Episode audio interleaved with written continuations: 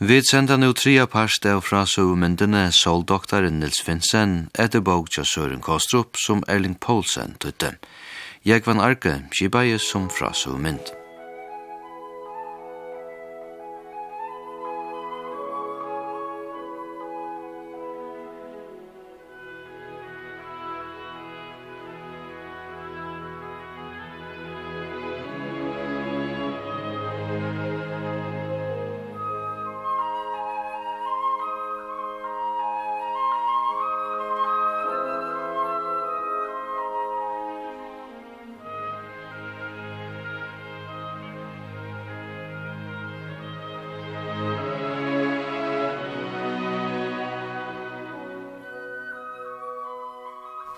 Nils Finsen var ek kvöldu færen ut av Vesterbrygg på Kjeppmannahavn av fond og løgnelige bøltjesunnen, fonderen vær til einon Ivan Pedersen. Og i uiboende tja Ivane satt konan, 25 jara gommel, følen og storen, og vakka i de yngsta som ikkje vilde sova, men bæra græt. Og hun tok badni oppur vøggene og tjekk om gulvet vittu, men tæsa i det samme. Graderen blei til gnust, så ikkje hardist mannamal inne, Og at enda nøytist mamman a fer inn til en granna, så funderen kunde være hiltene fri og navn. Funderen sjálvun er ikkje nekva sida fra, men tatar skulde færa toa i Ivan Nils til Sujus, og spurte man ei stundra lurta etter sær enn løt. Nils vildi helst sleppe ut fyrir dyra dria andan lattare, men jotta i etter. I hugsa enn nu to vart inni av gulvnun tja mer, a bia til hitja tu yngsta badnenum. Hon sjukleist og er rek som eit rytter, ja. Til ringt af han ekran lakn opp her, og så er det eisen så dorst. Hitje at vi yngsta. Hetta kommer jeg sindu dott vi. Ongen heiv fyrr bi me kannan ekran. Tujens heldur kalla me lakna. Ivan var langt fjæren etter konen og badnen hon. Badnen svev, ta det kom atter vittu. Ta kona Ivan leie badnen i føvningen av mer, vakna i te og skær ut og jeg grata. Jeg hei ikkje homing av hva skulle gjere. Han røndi at ukka badne, rora i du, men tegri at bare herare. Han hugde måttleiser at han var vanrøyk i anlitene rundan om seg, rådna i og skammaist. Nils måtte vigenka at han ikkje så fratt som kjente der vanlige badnasjuknar. Og gjerne veikare løte hugsa han at han kunde latast a kanna badne og så bæra sige okkurt, men han gikk fra til jatter. Her tog veri ikkje føre fri a hjelpa tikkum. Nils atlei at ratta mammen er badne, men hon vildi ikkje teka det atter. Jo, men akkur må til jo vera med og fri a gjerra. Ja, to hever lyset til lakna i fyra år. Skrutsjene og eiene genga aldrin framar atter. Jeg motleie at jeg dotti ikkje noen egv, og kunde badnen om enne som var heitt og vått. Grannkonan som var kommet inn helt fire, at de heldur skulle røyna ta kloke konuna i sundu ved gøte. Hon måtte doa få av badne frukst, men det for å kosta pengar. Nils kvette tås seg av, og be om å få en chans. Om en tøyma skulle han være atter ved hjelp, og be deg boja. Er ferdig etter noen lakna som kan kanna badne for i åndkje? Grannen helt fire at Nils får seg komme atter, Öd vo lova vo, men hildi ikkje år, sier han. Nils tjekk trillvandi i djøknenda myrka tune. Han steg anna faute nyr i et hål og kom etter at heva køsteren. Så hauma i han portre og kom hon suger ut av gøtuna, og undra noen gøteljøse kanna i han skrekven og brautjuna. Hadde skrekveren, brautjuna og røykeren ikkje myntan av hver han vær, hei alt veri avveriligt fyrir han. Fyrir trimon åren så gjerne var i henda gøtan og hes i hus, ikkje til i hans ara hoa heime. Han kjente alls ikkje seg følgjene, og jeg hadde hatt av seg om hjelp. Men hva da han lart, åndsju fyrir enn kvöld. Det var eimojandi og snobeslitt av veri avdugaver som avdonalir. Og nu hei han så avgjørst lova hjelpa damen om en tøyma, men hver fekk han fædru han lakna av midnatt. Det er vonlist. Ikki i hesum bujarparten, men kanskje i taimum bujarparten er det betra slei bujr, som er først fyrir gjalta nekvar penkar, ta heimalaknin kjemur, og det er som er nått. Brodliga rannan hon i hoa stora Paula Gare, som kjøtt var livet å lesa. Nils hei omkant og i vatton hon beina. Han kvika i seg til husar, vakte Paul, som var sauna ved fram av skrivabordet, vi hattu noen nyra bøker og breffløsar vi osti og bjørn. Sjuklinga vitja nu, er stu pura ører i høttenon, jeg skal til prøvtøkko i åmorgen. Jeg må lesa og lesa. Men Nils gavst ikkje. Her er sere områdande, kanskje manna løy vi våa. Til å sire kortene bare svevor, til å godt av å komme ut fyrir dyr og få friska luft i lungene. Fyrir meg er dette en heirsæk, og jeg vil gjalda der fyrir det. Skiler du da? Min æra stender på spil. Paul let han vita at hei etter neka vi fostertøk i Agjera, så kom han ikkje vi. Tar leia var en vagn, og medan der korte greite Nils fra til sjuka badnene. Det har tog ikkje Paule lenga tøya finne det av, at gentan hei skarlasfeber. Det var en sjuka som nek pinkebøten døye av. Paul helt fire, at hadde de bare haft en lakna bog i husen, så hadde de sjølve vært kommet etter hva jentene badde. Nils var tiandi og føyer, men Paul var klarvætjen. Som gammal forkjørter studenter skal jeg sjølvand ikkje koma vi gauen ravun, men heldur du ikkje sjølvor at det tog på at fer under at lesa unge mevor. Tid unge studenter genga som nekvo på at brøyta samfellet. Sam arbeid vi tar med vajko i samfellanon. Øksl møte øksl vi verskamannafylkingene. Men ta så avstentor er tid ikkje menn fyrir a gjerra neka som helst. er en utbyggving – Det er for at gagna öllum pørstun, beit her sjolvun og öllum samfélanon. Halt og pæt at røyka utan mal og mi. Nils visste vel er rett vær som Paul sier hvert år.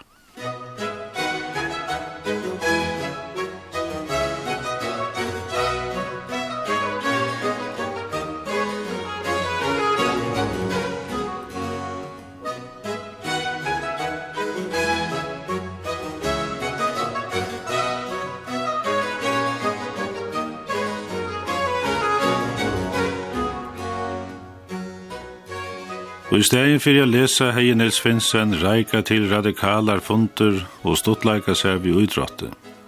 Papen var i øyene og brøverne skamavost. Nils var ikke verder av bera navnet Finsen. Eldste brauren var nu apotekar i havn, og en yngre brauer hadde gov om først om starvi i postversen under Kjeppmannahavn. Baie var limer ut i nudja konservativa flotsjonen, og pababagin var rahari i styren og til Estrup. Hannes Finsen var just tilnevndur i Ripe, og han atleie seg a tala olvarsår til Nils da han kom i gjerra ferast. Tøy tøyene vakti samfella i taimon som var i ytla fire, ikkje æra hjelpen til ei mykjande fatakra hjelpena, som i ringasta føre kundi hava vissar at mæver miste sunne borgarlige rattende. Vars du limer i en sjukrakassa, fekst du stuttning til laknahjálp på heileva. Men tei som var ringast fire, høttu ikkje råd av vera limer. Var tei heppen, og nå sjuk, kundu de få fra nokron einstakling av felevun. Eit slukt fela led Nilsi upp i hendi av kannese folk. Han skulle ikkje færa til det som lakne, men ber kanna hver verilige hei brug for hjelp. Han kom af fyrra skrimk om i nekvun bojarparstun i Kjeppmannahavn, og fekk høvi a kanna helsestøvuna tja falki yfir høver. Ta sjelka i mig a sutja hvordan fataksliga folk bo og hvordan ringar uibunar våre fyrir helsina. Folk visste ikkje hvordan stor en tuttning reinfyrir hevur. Ei dani ui er sjukur herjau. Ofta var jo seinere av en til a veita nekra hjelp. Hetta arbeid skunda av alvara under lesteren Janils Vinsen, Han får a fylgja fyrirlestrun av universitetunum og leie stauran dent av kroppsfrøyina, anatomina. Han var særlig heknir at dissekera etla skjera ut eier lotur. Som oftast var han liever lengt av en hinder og setter av hjelpa damen. Lærerne lauti honom særlig torrførar oppgaver, og professoren rinda honom fyrir a gjerra saun av tilbjøningun og skulle nøydast til lærerne. Sjøt fikk han eisen i eike inntøk for jeg lærer nødja studenter anatomi. Nils var den fødte skolaknen, men en lakne skulle doa anna og meir enn til. Til nøydes Nils eisen i under. Leieligar, torrar, tjukkar, bøker skulle lærast utanhet, enda leiser tøymar i dimmun hølun, her læreren er mestnav om det samme oppi saman.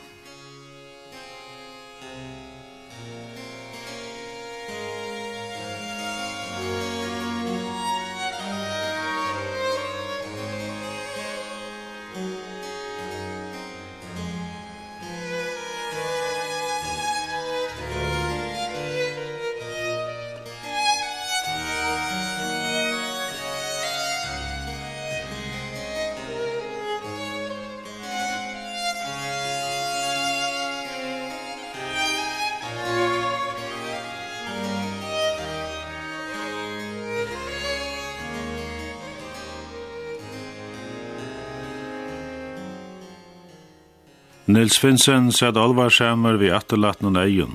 Hetta var om middagsleid i en sunnedag i mai. Saulen skajnast han bant nyer og brende nøsena reia. Under lien i ånen lå en bauk som låte blea i ui. Nils sett som borster i heime, men da sasta ødlom brøkton at han hoksa i innelig om akkurst. Hoksa i han om styret tja Estrup og oppreisteren som misset nægist, Hoksa han om den sindreia vinstraflotjen, her ongen langer tala jo med herja tøyhus etter vapnen, eller hoksa han om sjuken. Og sannestene var det kommet fyri at ørelse brottlige var kommet oan. han var reisende blivin tranger fyrir brøstunnen, og sjolter kunne brottlige komme oan. Og Iva var det kommet av at han les og negv, han var strangter. Tess meira at du leser om sjuker, tess oftare heldur du at du sjolver er sjuker. Du varnast du nekna at bor, og fast han beina vegin at huska til allar møvelige sjukur. Hugsa jeg noen vimmennene er nu lov jeg bati og i øyrasunte, og hildu sara gama vi Sancho og dråpa. Gramdi han seg om at han ikkje kortene var færen vittamon. Jeg har ikkje stundur. Jeg er jo holdt vi et arbeid som må nu. Til en røynt. Alla bæra vera hadde vimmennene er galv etter er Nærer finnes han så Er du sjukur, eller en jenta? Nils er rist vi høtten hon, han er ikkje vilja sagt dem om hva han var i holdt vi. Nå er han sidi han trutja fyra tøymar i saulene og lad i hana hita seg. Han ei finn jo hosgått i jar. Men han sæt i skukkan han under linden i og les, for han sauna over vi bautjen i håndene. Da han vakna i atter, skrein saulen bant oan, og han ei kjenslig av at han gagna i kroppen hon, men han var høvetunker og tungt var av vakna. sa etter at du ikkje brenner til av solene, kom inn i skukkan til okkara. Du hever langt og skolda anlite. Det er kanskje nokje måte til at de er radikale og at vera solskolda vår som arbeidsmenn. Blua negare. Tan kvite negaren herra Finsen, hever vital og under lindene kvann leier det. Hetta ljóa kanskje løy i det, men fyrir hundra åren sojane var det åsømeligt at hava brunt holdt. De fyne skulle helst være bleik, de hilde solene hava ringt åren av dem. Hoen tolde ikkje sølskinn, river kom i ujana og blører kom i opp. Hon ble veisne rei og svajitla. Sojane kom det då halane av i stauren lepun. Nils sette sin i skuggan, Men ta var det bærna luttla løte, så kjente han seg kaltan, han måtte ut aftur i salna. Jeg var gjerne kvitare løre kjørstu vi langkon ermon og en langkon svartum bråkon. Kjøtt var i alt og heitur om beinene. Men jeg kjente meg ikkje heitan oman belte. Tan kvita kjørstan sende kanska hitan attor. Kanska så og ter dimm og brøkene hitan og isse. Ta i forrige kvita brøkur var ikkje så heit. Tog så lett mig i en kvitan hatt, var ikke fyrir jeg sida flere timer ut i solene, utan å være usalir. Nils helt eisen at han kjente seg bedre til passar. Solen måtte hava en agagnelig avvirskan, men i læreboken stod ungen staver om at solen hei avvirskan av manna kroppen. Planton tørva i sol, det var visst, og han fekk der en næl og gregva. Var ungen sol døye der, men ikkje et år om solene og døyrene. Ta Nils Røndja beret upp av mal ved sønna lestrar felavar, var der samt rom av saulen avhiva hei og avvirskan av salena. Du blevstu bedre skørun ta saulen skrein, enn ta regn i øste nyer. Men saulen må eisni hava erar gangligar avvirskaner. Kanska kan sola ljósi eisni letja. Men vimmennen er slået av bæra upp i glens. Kusu hei veri at kanna ta gangli og avverskan som regne hever og harvøksteren? kvann tutning hevur fullmanen fyrir menneska. Vi kunna ståna et fela at taka uppatur tan gamla sien at halda solstøv og varslum. Nils sier au Iva finnes eknevne tank kvite negaren, hadde vimmennene henda sånne dagen, sier ensamadlan naknan åmanbelte ui myung gær i argensen. Han er smurt dimbrunt og svart tusju på armen. Det var negaren han sier du hoksa i om. Hvordan kunne teir den loje lenga det, tåla geng og kring og brennande sølskjene, medan kvitt folk beina vegin skoldavust. Var det den myrka brunne hoen som var det negarnar? Om kvölde vaska jeg en tusje av atter. Innan under var hoen kvitt og vøker. Solar gaslane var ikkje konner i tjøknen tusje. Men at læra stand i omanbelte var hoen reiflekket og svei. Om natten lå han i anvegri av berare pojne, snära han iverkroppen bära sinter, fekk han anmenning om röntena han i gjörst. Medan han lå vakten, leita i hovor hansara til Oslands til Ragne, hitt øra konefölse. Gåa der, hei hun i flere tøymar sida fyrir åpna vindeia og nåte saulena. Hon fekk ikkje mein av tøy. Hoen var ljós, brun og føvor. Tan brune literen helst seg lengt ut av veteren. Hvordan ber det til at hon tolte det og ikkje er? Kanskje er det tog at hon såleis her ikkje så lunge hver ferina. Hvordan var det? Smurte hun ikkje ankra olje på seg. Hon var nesten omkant til sjuk. Månde det være tog at hon såleis er så negv som hun gjørte. Han var samførder om at han måtte halda fram av kan og arrinja av solargaslunnen. Kanska for okkur åkjent at gå mundan kaven.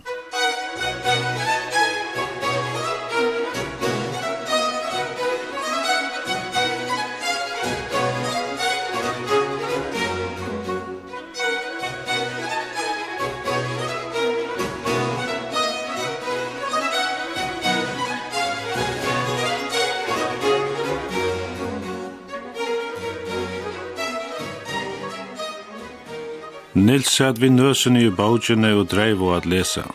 Nå skuldi han gjøre seg littnan. Fyrste parter av lakna prøvnen hei ikke vel, men hoveren hei ikkje vær så gåver til annan part. Han var flottar av gære og hei finnst at loite kamera trije hadja fru sonne. Hon var ein fitt og damlig bandleis kona, og satt som antje etter ein mann, og hei veri spela med over vi hove. Hvordan er våre vittig hon? tiner færen at bein, og så følen som en damaskduger, herra Finsen. Fru Sanne hugsa i alltid om helsen av Janilse. Fær ut og spaka og i som fralykka veksen.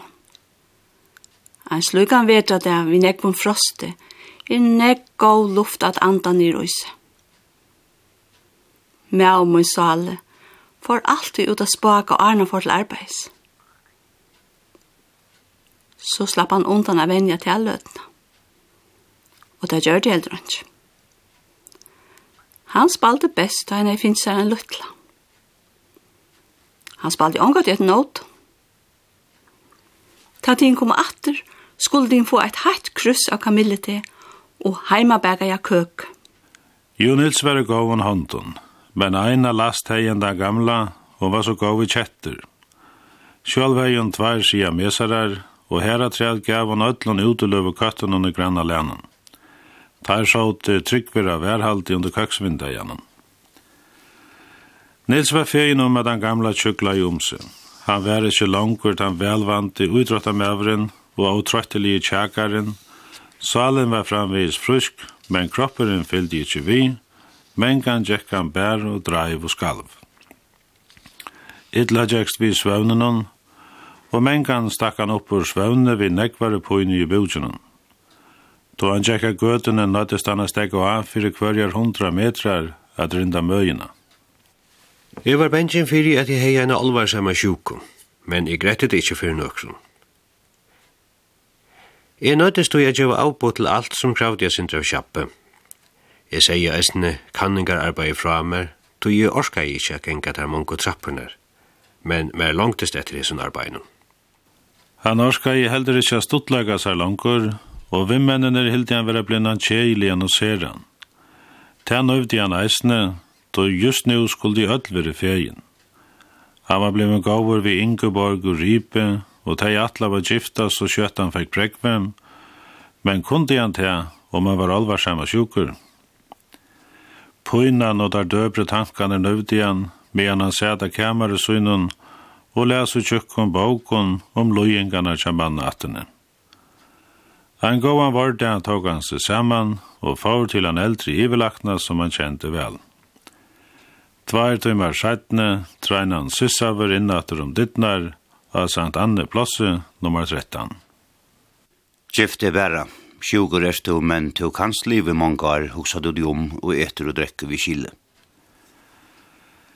Kamare Kjanilse hørte mot den norre og ur vinda gjennom så han oman og gjett inne per. Fem kjetter av imsons læ lå så barlenkar og dorva av i saulene, ter snurra av frøy.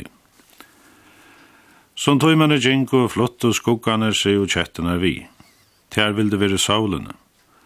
Av hesum kon Nils atter at hokson spurningen, som han fyrre i setsar, hver gagn eller hver skia gjer solarljós i likamnen. Han var atter mynter og etta en dag han var stekk av av i høybro plass vid Kristiansborg eller rinda møyina. Men han stod her, leie han seg fram av rimaverskje og hukte nyr i vattnet. Han bar eie ved et lydde smadkikt og sæda vannskorpen i kanalene. Kikte Jack av vannskorpene og lette seg færa vid det speka radjonen. Men kvarja fyrda kom i skugga, kvakta vi og kvika i seg utdatter i solna. Såleis vær Nils Finsen atla tøyina verger vi gagnlige raviskaner av solene, men nu måtte drøyvast og lesa. Han fekk då stunder til a gjøre små rønter ved seg sjølven, sauleisar pura nætjen og helter av hjalte. Og i 1895 var han om søyer til reier a færre opp til prøvtøk ut i seinaste læregreinene. Han var etter negg plava av sjuke, og om hetta munte skriva han til Ingeborg. Jeg ber meg menkan saman vi et sjukt ross, og vi skal til kapprøying. Jeg nøyest er kappast vi munna frusk og vimmen. Atana, ver bare bort om urslite, og ikkje om hver i ver best fire, ta lagt vel bross. Det er strevet fyrir at ære kaster oss, tog det kan ikkje teka seg bort ur kappingsene. Nils fekk pregve, men anki vera reipe av. Han kunde kalla seg lakna, og nu kunde han kjøtt skifta seg vid Ingeborg. Han er veri så heppen å få starv som hjelpar med over til professoren og anatomi. Han skulle gjøre tilbjøninger og undervise studenten, og han får akkurat at tjene så mye at Ingeborg og han kunne sette fot under egen bord. De fikk gjerne rad til å bygge og gjerne lytler i Øybo nærendes arbeidsplassene.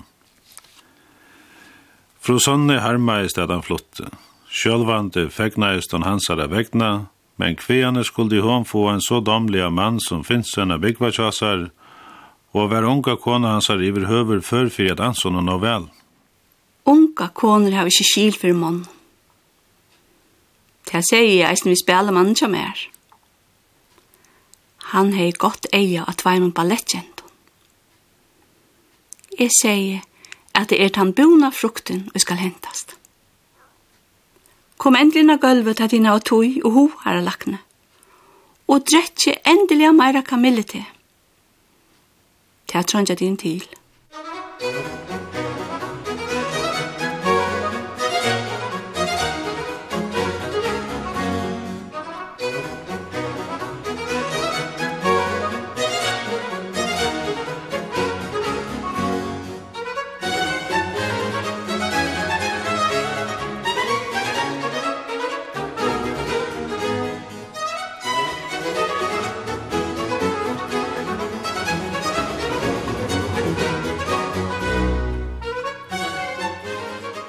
Ærer enn Nils Finsen hadde haft ahua fyrir Saulstralen. Danske stjadne frøyngren Ole Rømer hei langt i 1606 mada ferina til Ljósunen. Det var reisn i almanna kunnot at Ljóse var sett saman av stralen vi imson liten. Lade solstralene færre djøgnen enn at prisme, kunde du sutja at stralen var i atler i alla boans liter, fra heiton reion og moransje og golar til grønar, blåar og ultraviolettar. Nils held fram ved sunn og kanningon og vilde nu hava greie av om ljåstralenar kunde nøydast til laknavøysindene. Samståndet søkte han om starva lærd av haskulanen. Og i 1893 skriva i hann en luttla grein i hospitalstidende om til avvirkan som ljås i heia huvudna og i hese grein gredde han fra sønnen hoksanon og sønnen astøy. Ljøse kan bæge hava gruande og skeilig og avvirkan. Til dømes er sannlukt at vi norrbygvar høyde kjent okkom betur, så lov vi okkom av og av, pura nakner ein eller tvær tøymar om dagen. Fyrir nekra sjukur, eit nu pokurnar, kan sola løse vera beinla i skeilet. Tipura bortur vi at leta folk vi pokun litjo i dagsløse. Tei åttu at liu i kømrun vi reion, tøttun gardinun, etla vi reion gløsum fyrir vindeginum. At han hatt kan forast fyrir at ultravioletta ljósi kemur inn til sjuklingin, og såleis kan han sleppa undan grimun arrun i anlidnun og av håndnun. Serfrøyngane ristu vi høttunun og hylde Nils vire øran. Pågunar vaurian av honalig umfarsjuka, så var sera sjálfsom i Danmark ta, tog var torrførst ja Nils er prekva at han er rett. Men akkurat om etter månte gjenk hesar farsøtter i Norrlanden. Vidger er hotter hans er var i Bergen og Göteborg, Hevist i ønsken av at er skjerkøyne hild i hoksaner hans er vera bøyteslier. Og nu var prekva at rett vær som Nils Finsen hei sagt, Etter Berfavan og Aron funnest reie kømer hansara vi måte påkon og öllun sjukre husunan kring om heimen.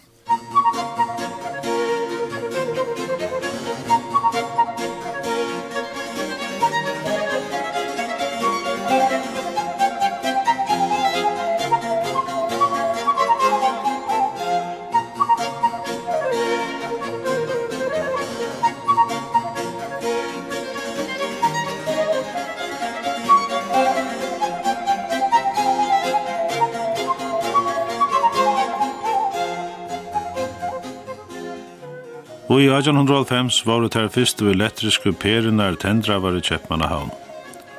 Enda nødja oppfinning beindi fire petroleumslampon og tolka ljósum. Nu var bæra trust og en knøtt, så flamte ljós ut i stovuna, men enn vært han elektriska megin dyr, og hon var ikkje vanlig. Da Nils Finsen av fyrsta sinne sa stralenar fra en kolboa lampe, fekk han hoa mata egenleikanar i ljósunan. Han kom til at kålboa ljós, hadde nastan som i egenleikar som solen, sette du negv gjørst ljós og et smadur, berda sin nastan et som i solen. Nils legger nu atlaner om a grua folk via letane lampelus og adeg. Da omma hans er fratti om atlanene skulle hun spyrja om han omkantu for å bæra seg at vi kile. Hine skiltfølgene riste vi høttenon, eins og sakunleidjen. Bære Ingeborg tog undervinen. Akvelden Nils kom til hus fra arbeid i bæg sjukker og mauer, fylde Ingeborg konen iver til elverstjo i Gotterskøte. Elverstjåren, Ebbe Windfeldt Hansen og verkfrøyngren Nils Mogensen hadde avtalat hittast dette kvöld. Nils skulle sutja laboratorien i verstjonen og samståndes kanna Mogensen, han er i lupus, lupus er latinska åre fyrir en ringa tuberkulasjúk i huvudene. Lupus byrja i mengan i avvitt og ærenon. Eit meina lest mauer merk ua luita, a nøsene, tjolkanon etla pannene brettis i arm arm. Miskona lest og glups som ulveren, og at tuberkla bakterian sine kjøt i anlittenon, elde til kniklar og svar, for gibri og gibrene i huvudene og vanskjepla i anlittenon. Hvor lager ui å komme mellom folk ta en større parter av hoven i anliten og i borster, eller et ekjent i åpesar. Tusenda tal av unkon etnelei som dønnen hadde lupus, og levde gjerne skugga tilvære, kregveier borster fyrir fremmand og egen. Verkfrøyngren Nils Mogensen hei finnje lupus som unkur. Og i åtta år hei han haft lupus av høkra tjolka og hei røynt allar møvligar vittkjerir. Antju hjolte sjukan bæra vestnægi. Nú hei vimmaur hansara og gamli arbeidsgjevare Vimfeld Hansen lant mer til stauru 20 ampere gløylampene av mistøyene at gjerne rønt at grua Mogensen. Vimfeld Hansen helt at a gjør det røyna. Mogensen vil ikkje etnuleisere enn han langkuer. Ingeborg vamleist illa at hon stå anlit til anlit vi Mogensen, men da Nils sier kanna svar i heltan, at hetta var ikkje ringasta svar han i seg. Var hans er hoskått om vidtjer vi stralen ratt, kundi han da sama byrja vi Mogensen. Ganska kundi han stekka dem om gluske bakterien. Nils fordle verska, vi som hun fytte i hånden og gåa heila, kjørdi han vi tveim og lesegløsen som var sett og i en blikse lindara, at tavle kunde sauna stralnar fra de store gløylampene. Kvart kvöld etter arbeidstøy hittest vi i laboratorien, og i nesten tvær tøymer var misavnavar violblåar straler sentar mot svarkanten og tjolkanen, her Mogensen hei lupus. Han måtte sida pinnastidler, men jeg helt om høtt i ånen, at vissa meg at stralene rakt her til skuldo. Hiten fra de store lampene var kvelande. Skjermar måtte ånkosvegna være setter opp at verja fyrir til rævlig hitanen. Hinvegin voru þær ultraviolette stralunar alt og veikar. Ter måttu fåast sterskare. Nils kjørði eina røynd fyrir jo æra etter, og navnen mogen sem var gaur i ravun. Ta røynd i æra lamper og annur sjónglus. Mogen sem gnusti av púina. Skai var infrarægjar straler var konar vi, og brendi nudjar blører i anlidi av mogensen, så han fekk bruna svara træt.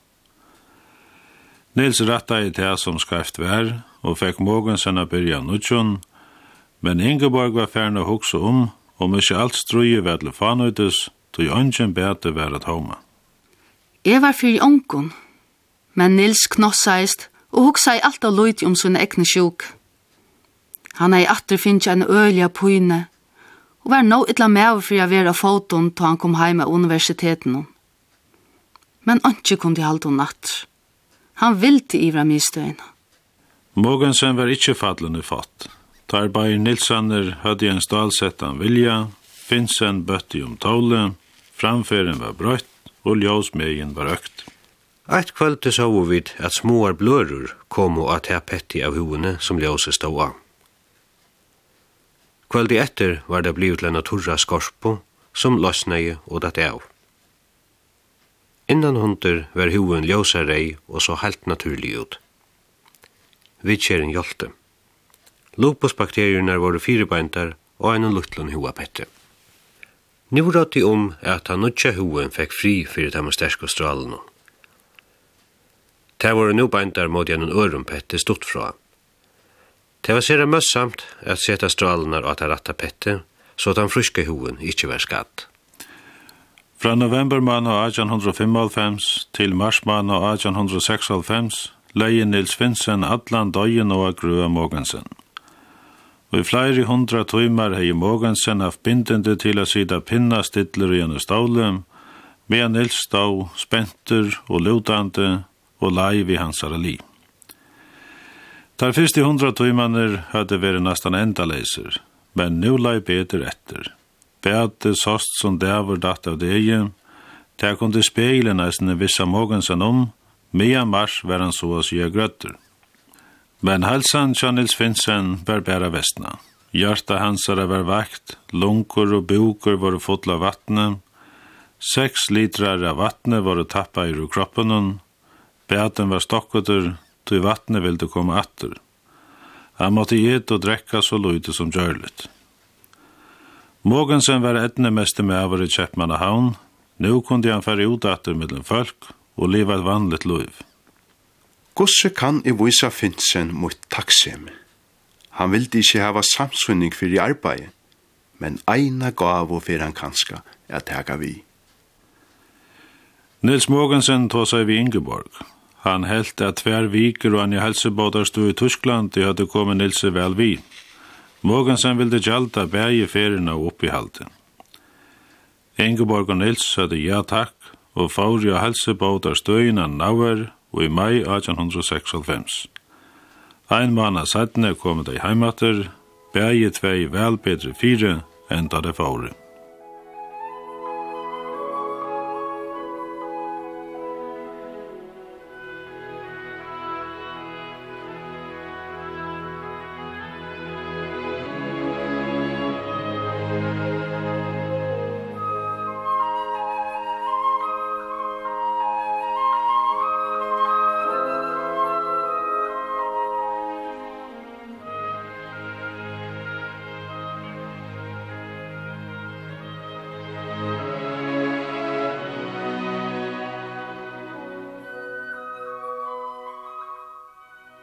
Vi var sendt tria parst av frasøvmyndene Soldoktoren Nils Finsen.